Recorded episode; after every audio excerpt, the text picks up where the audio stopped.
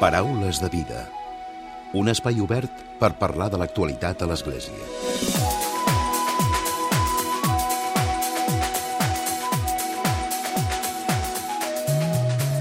Què tal? Salutacions i molt bon dia, molt bon diumenge.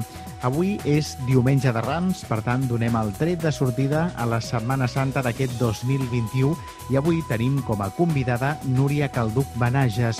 Ella, recordem-ho, ha estat nomenada recentment pel papa Francesc com a nova secretària de la Pontifícia Comissió Bíblica. De fet, és la primera dona que ocupa aquest càrrec, membre del mateix organisme des de l'any 2014 i també forma part de la Comissió per l'Estudi del Diaconat de la Dona. Núria Calduc, nascuda a Barcelona, és religiosa de la Congregació de les Missioneres Filles de la Sagrada Família de Natzaret. És llicenciada en Filosofia i Lletres per la Universitat Autònoma de Barcelona i també doctora en Sagrada Escriptura pel Pontifici Institut Bíblic de Roma. Calduc és també professora ordinària de la Pontifícia Universitat Gregoriana de Roma i professora convidada al Pontifici Institut Bíblic. Avui és la nostra convidada.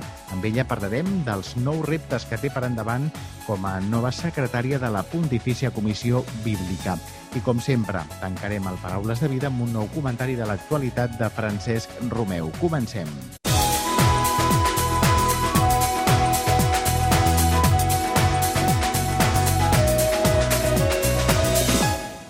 Paraules de vida amb Emili Pacheco. I saludem, donem la benvinguda, com hem dit a la portada, a la Núria Calduc Benages. Ella, recordem que és des de fa molt poques setmanes la secretària de la Pontifícia Comissió Bíblica. Bon dia i benvinguda, Núria, al Paraules de Vida. Hola, hola bon dia, bon dia. Primer de tot, què significa per tu aquest, aquest nou encàrrec? doncs sí, afegir-ho nou, un nou, un que s'afegeix a, a la llista, no? Doncs mira, jo diria que primer de tot és un motiu d'agraïment, d'agraïment a, a totes les persones, que no és només una, diguéssim, a totes les persones que han confiat en mi. És a dir, sempre és molt agradable no? eh, rebre, no el càrrec, el càrrec és un pes, no? però és agradable pensar no? que hi ha persones doncs, que pensen en tu i que confien en que pots eh, donar un, una bona contribució, no? diguéssim, en aquest mm. cas a la nostra feina. Mm. Això per mi seria el més, el més rellevant. Mm. De fet, quina és la tasca que fa aquesta comissió bíblica, Núria? Quines una mica les funcions i la seva feina? bueno, la comissió, mmm, bueno, ja ho sabeu, no? és, està formada per 20 biblistes, eh? Eh, homes i dones, eh, des del 2014. Eh, el 2014 vam ser les tres primeres dones, ara ja n'hi haurà cinc, és a dir, que eh, va creixent el número. I aquesta comissió doncs, es reuneix eh, una vegada a l'any, la segona setmana de Pasqua, allà a Santa Marta, doncs, per tractar un tema, mm, diguéssim, d'interès, d'actualitat, eh, sempre, evidentment, relacionat amb la Bíblia, mm, eh, com dic, d'actualitat en el sentit que pugui tenir un ressò en el nostre món actual, sempre tenint en compte les, les distàncies i eh, m'entens, oi? Sí. Sí, uh -huh. Tots els, mati els matisos que poden haver. Hi ha molts temes no, que potser per nosaltres són molt interessants i després per la gent del carrer doncs, no, no els hi diu res, no? però hem de comptar-hi. Eh? Per exemple, aquests últims cinc anys hem estat tractant el tema de l'antropologia bíblica, que a mi doncs, m'encanta no? perquè és, eh, diguéssim, estudiar tots els temes que són veritablement humans, eh? des, de, des de la família, eh, les relacions de pares, fills, eh, germans, eh, no? el matrimoni, eh, etc. O la feina, el treball, o l'aliment, eh, o la violència, eh, bé, tant, tants altres. Eh? No? L'antropologia cobreix tot aquest món, eh, el món de les persones humanes. No? És a dir, que ha estat molt interessant per mi, no? I bueno, mm. hem tret aquest document en forma de llibre, ha sortit un llibre una miqueta gros, però bueno, estic molt satisfeta. Eh, ara ja està traduït en moltes llengües i m'han dit fa poc que ja s'està preparant l'edició catalana, també. O sigui important. Que, uh -huh.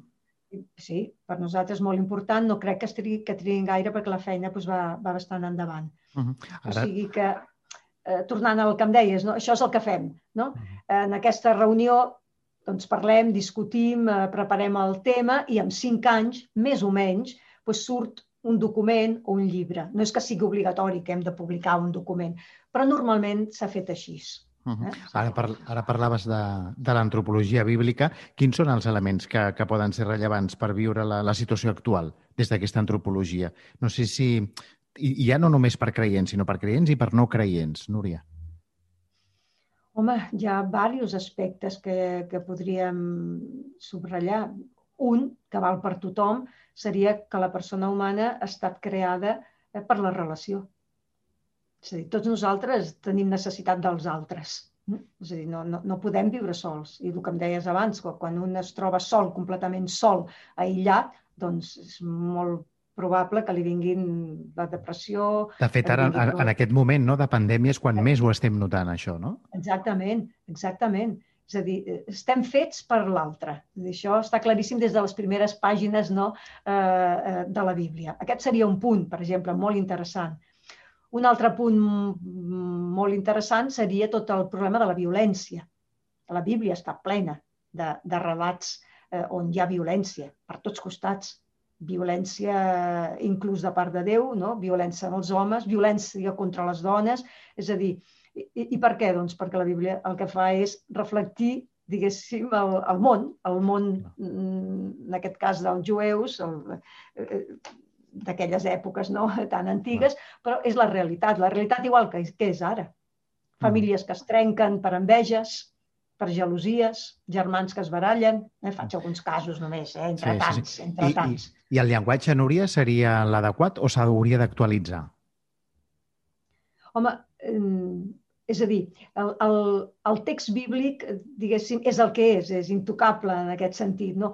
El que nosaltres hem de fer, i el que nosaltres intentem com a experts, és interpretar aquests textos antics. És igual que si un agafa una, una obra de, de Plató, per dir, o de Sòcrates, és a dir, eh, has d'estudiar el text en la llengua original eh, i una vegada tu l'entens bé, eh, el tens ben col·locat en aquella època, doncs ara el tens que Traslladar, no? Clar, explicar perquè s'entenguin el context. No? Perquè els destinataris d'avui en dia ho entenguin, perquè normalment doncs, són persones que no tenen les mateixes, els mateixos instruments que tu has pogut tenir. És a dir, no es tracta de canviar els textos, però es tracta de interpretar-los a la llum de, de les nostres circumstàncies i també al revés. És a dir, que poder llegir les nostres circumstàncies actuals a la llum d'aquests textos, que són textos molt antics, però tenen un gran missatge que pot ser il·luminador pels, no, pel nostre temps, salvant sempre les distàncies, eh? això és evident. Mm -hmm. Com va sorgir, Núria, com et va sorgir la, la passió per, per estudiar la Bíblia? No sé si... o, o que sí. quines preguntes et feies no, que et van portar a estudiar la Bíblia. Mira, eh, jo haig de confessar que el, la, el meu primer amor no va ser la Bíblia, eh? no va ser la Bíblia. És a dir, jo ja de petita el que a mi m'agradaven eren les llengües. Les llengües. Jo era apassionada de llengües. Era molt petita, em recordo com si fos ara, i que la mare, a aquella època, eh, volia que m'apuntés a classes de ballet, no? Que les nenes el que tocava, no? Època. A l'època. Sí, jo vaig anar tota l'escola eh, tot només de nenes, era un altre món, no? I les nenes feien ballet i a mi no tenia gaire gràcia i el ballet doncs, no era el que a mi més, m'entens, no? Llavors li vaig dir, mama, dic, jo, a mi el que m'agradaria fer és estudiar anglès. Aquella època, eh? a Badalona, eh? Eh, pensa en els anys 60. Uh -huh. Entre... No havia ni, ni escoles d'anglès, no n'hi havia. Eh, no n'hi havia. Allà s'estudiava francès al col·legi i s'ha acabat. I prou, no? Clar, clar. I prou, i prou. I la meva diu, anglès? Diu, on, on, on vols que fem? On vols que anem a fer anglès? per dir-te, vaig trobar una senyora anglesa, una, una iaia, eh, que a casa seva, allà amb una tauleta, amb un raconet, feia classes. Classes particulars, no? Classes particulars, classes particulars. I allà anava jo dues vegades a la setmana feliç. És que, per dir-te, no? a mi m'entusiasmaven. I vaig estudiar moltes llengües, de, de, de jove, de petita ja, moltes.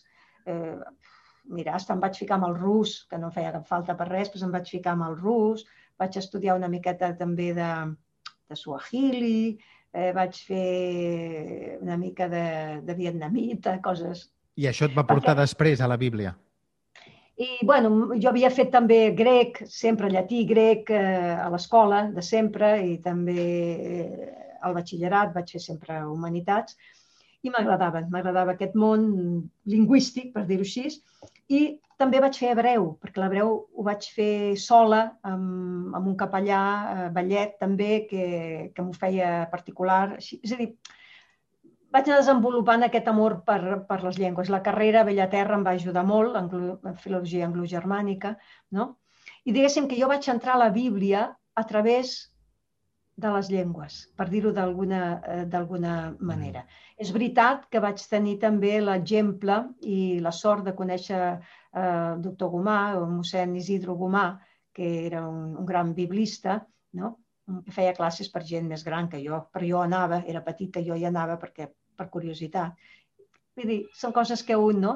Eh, a poc a poc, pues, mm, es va sí, posant juntes i llavors, quan vaig tenir l'oportunitat d'estudiar la Bíblia, me'n vaig adonar de lo important que eren les llengües, uh -huh. perquè és el primer, el primer pas. La Núria Calduc eh, Benages, que ens acompanya avui al Paraules de Vida, és especialista en els llibres sapiencials de la Bíblia. Núria, una mica mm, ens podries indicar què, què és el que ens aporten aquests llibres a, a dia d'avui? Doncs jo diria, la literatura sapiencial, que són bàsicament diguéssim, a la nostra Bíblia són cinc llibres, bàsicament. Eh? Serien el llibre dels Proverbis, no? Coelet, el llibre de Job, que és més conegut, el llibre de Ben Sira o Siràcida, després també tenim el llibre de la Saviesa, eh? alguns salms. Doncs és una literatura que és molt propera a la persona humana. Faig un exemple. Per el, el Pentateuc, els llibres eh, clàssics, no? la Gènesi, Èxode, etc. Són llibres que apunten molt sobre les institucions d'Israel, hm? per dir el temple, les sí. lleis. No? Els profetes eh, estan molt contextualitzats perquè eren eren gent que pràcticament denunciaven eh, l'opressió eh, que es vivia en aquella època, eren uns contestataris no? que lluitaven pel, només pel el Déu d'Israel. No? En canvi, aquests llibres sapiencials, és a dir, no s'ocupen de les institucions, no s'ocupen del social, per si no s'ocupen eh, del, mm, diguéssim, del culte, eh, ni de la litúrgia, eh, ni de...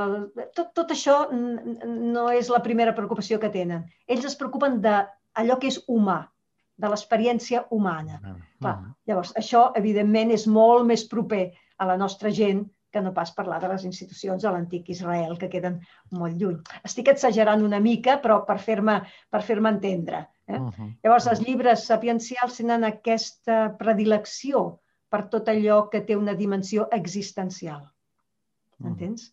Llavors, doncs, hi ha valors com l'escoltar, el saber escoltar. Si tu vols ser savi, el primer que has de fer no és parlar, com es fa avui en dia. Parlar, Exacte, parlar, sí, sí. parlar, parlar, fa i atabalar. Atabalar. Eh, atabalar tothom amb els teus discursos, encara que siguin buits. No. El primer que has de fer és escoltar. Escoltar aquells que en saben més de tu, evidentment. Escoltar i quan hagis de parlar, has de parlar en el moment oportú.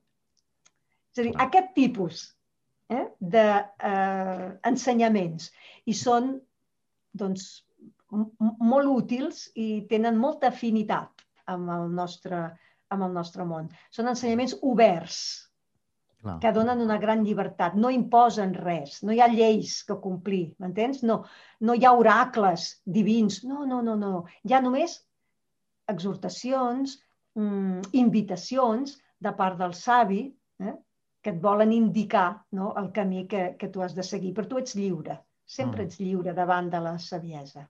Uh -huh. Núria, abans parlàvem de la Bíblia no? com, un, com un llibre en el que es parla de, de violència, però també hem de parlar, el papa francès, per exemple, sempre el posa d'exemple de llibre per fomentar la pau, per fomentar la concòrdia, no? L'enteniment sí, sí, sí. entre religions i, i entre persones. Exactament, és a dir, jo he, he, he subratllat no, l'aspecte de la violència perquè és un aspecte doncs, molt, molt actual, per desgràcia, eh? per desgràcia. Però, evidentment, el missatge profund d'aquests textos bíblics no és certament la violència, sinó que és la pau, és a dir, el shalom, eh, la, el, el benésser eh, eh de, de tota la gent, de tots els pobles, eh, la mm. concòrdia, eh, l'hospitalitat. Aquesta és un, és un gran valor dels pobles orientals que eh, eh aflora moltes vegades a la Bíblia, no? el, el ser, l'acollir l'estranger, l'acollir el pobre, eh? Eh, la persona necessitada. Mm? És a dir, són valors eh, fonamentals no? que, que la Bíblia ens els transmet doncs, en, en moltíssimes pàgines. Sí, uh -huh. sí. Parlem, Núria, també de... Hi ha un versicle de... que és bastant significatiu de l'Evangeli de Joan que diu i la casa us va omplir de la fragància del perfum. Queda molt perquè l'església s'hi acabi d'impregnar de tot aquest perfum? M'agrada molt la pregunta i no sé si va amb segones, eh? No sé si ho sabeu, potser sí, potser segur que, segur que va amb segones, perquè és el títol d'un article que vaig publicar fa uns anys, no? que era la meva tesi de llicència. Exacte. La meva sí, tesi sí. de llicència, sí, sí. No sé si ho sabeu, si us ho puc explicar en poques I tant, paraules, sí, sí, sí, sí. gran de temps, que quan, quan vaig anar amb el meu professor, que ja no hi és, està ja al cel, quan vaig anar a pre presentar-li el tema, digo, eh, sí, sí, digo, ya, ya he encontrado el tema sobre el que quiero trabajar. Ah, sí, sí, sí, a ver, a ver. Y yo vaig dir, pues me gustaría trabajar sobre el perfume eh, en el Evangelio de Juan. Jo em semblava que havia trobat, oi, eh, la perla preciosa. Va posar una cara, que amb la cara Sí. ja m'ho va dir tot. I jo dic, anda, Núria, dic, hem començat bé, doncs. estàs, estàs apanyada. Em va mirar així amb la cara i diu, mujer tendria que ser. I jo em vaig quedar allà, "Aguant, i ara què faig? Diu, bueno, escriba si quiere.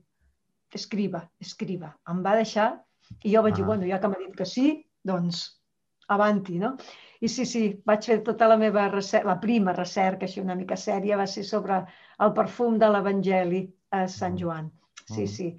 És que és molt suggerent, no? És molt suggerent perquè és l'únic evangeli que diu que la casa, després de l'unció de Betània, que la casa es va omplir del perfum. I jo vaig pensar, és una frase insòlita, no? La casa es va omplir del perfum. És a dir, Com no puc retòrica, imaginar... com massa retòrica. Vaig pensar que tenia que, que amagar algun, algun significat. Posar això em semblava, no sé, hasta banal.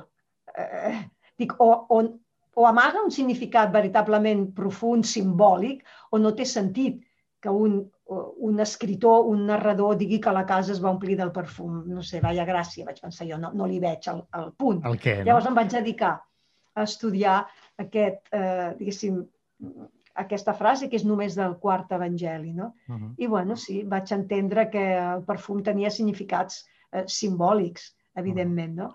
Que el perfum és, és quelcom que t'acosta a l'altre, perquè el perfum, és a dir, no només et perfuma a tu, et perfuma també el que està al teu costat. Exacte, sí, sí, sí, sí. T'acosta l'altre. és una manera de, de compartir, Clar. De compartir. Eh? Mm. És a dir, és una manera de parlar sense paraules. Uh -huh.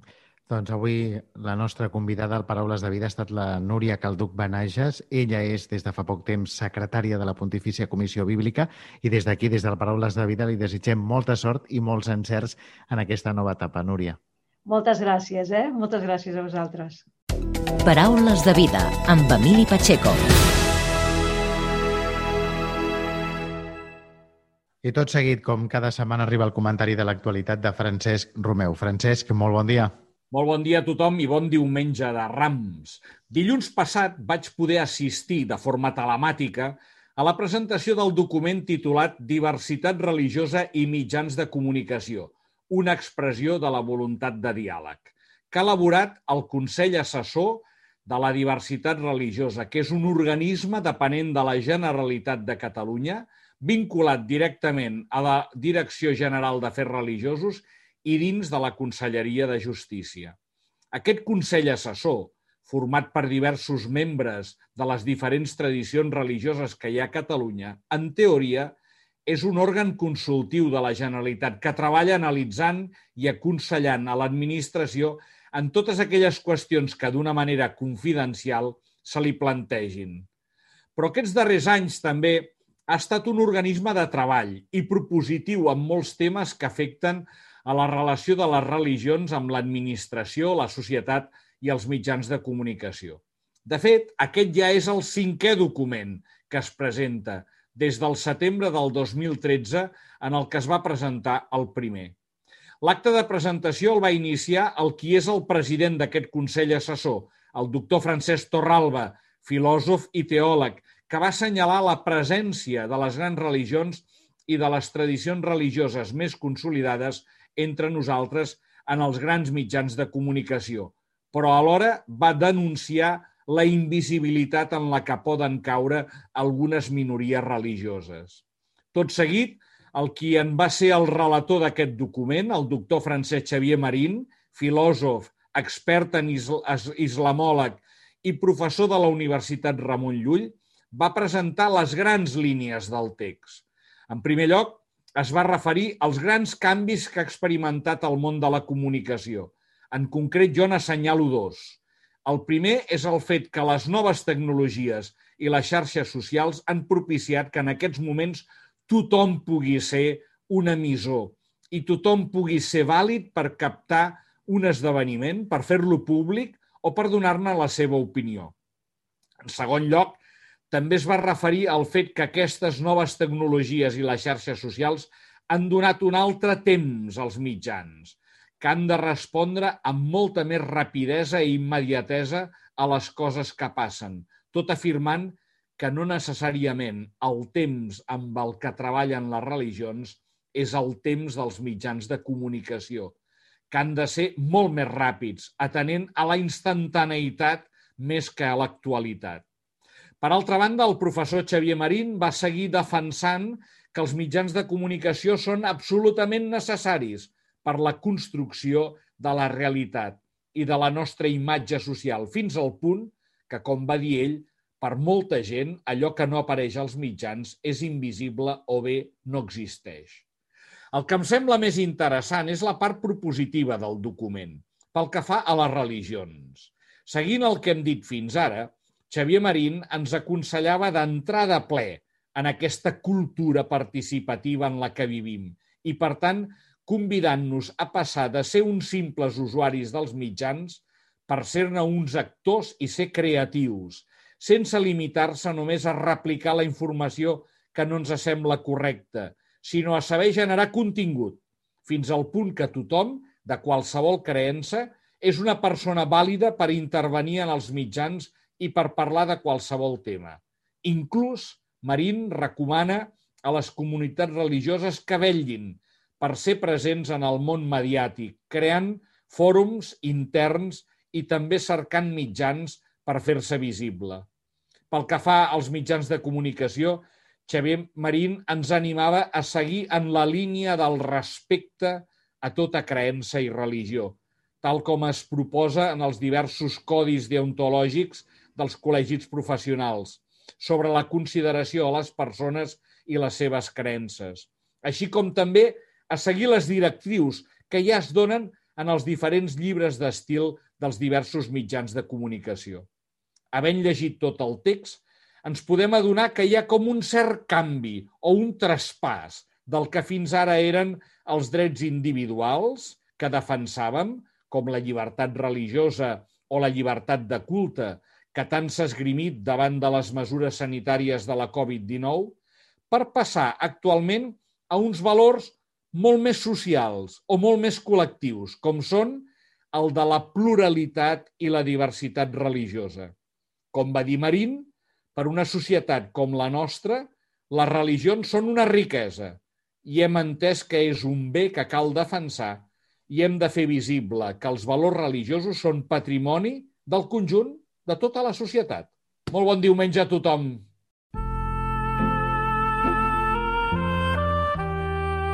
Us oferim la carta dominical de l'arcabisbe de Barcelona, Joan Josep Omella. Déu vos guard. Un dissenyador de moda famós va fer cèlebre la frase «l'arruga és vella» que va triomfar més enllà del món de la moda. Volia ressaltar la bellesa de la imperfecció del que rebutgem segons els cànons de bellesa. Gràcies a aquest eslògan, l'arruga moltes vegades ha deixat de ser menyspreable. No han tingut tanta sort les cicatrius, records inesborrables que deixen el cos marcat després d'una afecció, lesió o operació. La tendència és avergonyir-se'ns i amagar-les, perquè delaten les nostres misèries i sofriment. Jesús mai va amagar les seves cicatrius. L'apòstol Tomàs va acceptar la resurrecció de Jesús quan Jesús li va mostrar les seves ferides i li va dir «Porta la mà i posa-me-la dins el costat». Però per què va voler mostrar aquestes desagradables cicatrius? És que Déu no ho fa tot vell? És clar que sí. Llavors, quin va ser realment el seu propòsit? Quan deixem enrere situacions de dolor, ens queden marques que poden afectar significativament la nostra manera de ser o de viure. No obstant això, aquestes cicatrius poden ser també una oportunitat per créixer interiorment i ajudar-nos a ser millors persones. Les lliçons de la vida són valuoses. Cal aprendre a descobrir el que de vegades es trenca a nosaltres i reconèixer que aquestes marques es poden fer més humans i autèntics. Les cicatrius són un mapa dels llocs i experiències que hem viscut. Són com petjades que ens guien en la nostra travessia existencial. Per això, les cicatrius són entranyables. No hem d'ignorar-les i tractar d'amagar-les, i són, hem de comprendre-les i aprendre'n. Precisament en aquest diumenge de Rams recordem com Jesús va triar quedar-se, marcat per sempre per evidenciar el seu amor infinit cap a nosaltres, per mostrar la seva humanitat i el seu sacrifici a la creu, per dir-nos que ens accepta tal com som, per guarir-nos les ferides, però també el cor, l'ànima i la fe. Si ens hi fixem, podrem reconèixer-lo mitjançant les nostres cicatrius. Sabem que aquestes ens guiaran fins a Jesús ressuscitat com a Tomàs, que en veure les de Jesús per fi va poder proclamar Senyor meu i Déu meu. La decisió que va prendre Jesús de mantenir les seves ferides xoca especialment en la nostra societat on preval la bellesa exterior i la perfecció estètica. Moltes vegades oblidem que la nostra naturalesa és fràgil i que som humans. El dia que nosaltres acceptem i mostrem les nostres cicatrius curades per Crist, anunciarem l'amor i la glòria de Déu. Benvolguts germans i germanes, si tenim ferides que no acaben de cicatritzar, ensenyem-les al Senyor sense cap pudor Déu ens estima amb les nostres imperfeccions. Units a Déu, aprendrem a apreciar com som, únics, insubstituïbles, capaços d'estimar i ser estimats, en permanent canvi, però de vegades trencats. Déu ens estima amb les nostres imperfeccions. Units a Déu, aprendrem a apreciar com som, únics, insubstituïbles capaços d'estimar i ser estimats, en permanent canvi, però de vegades trencats. Us hem ofert la carta dominical de l'arcabisbe de Barcelona, Joan Josep Omella.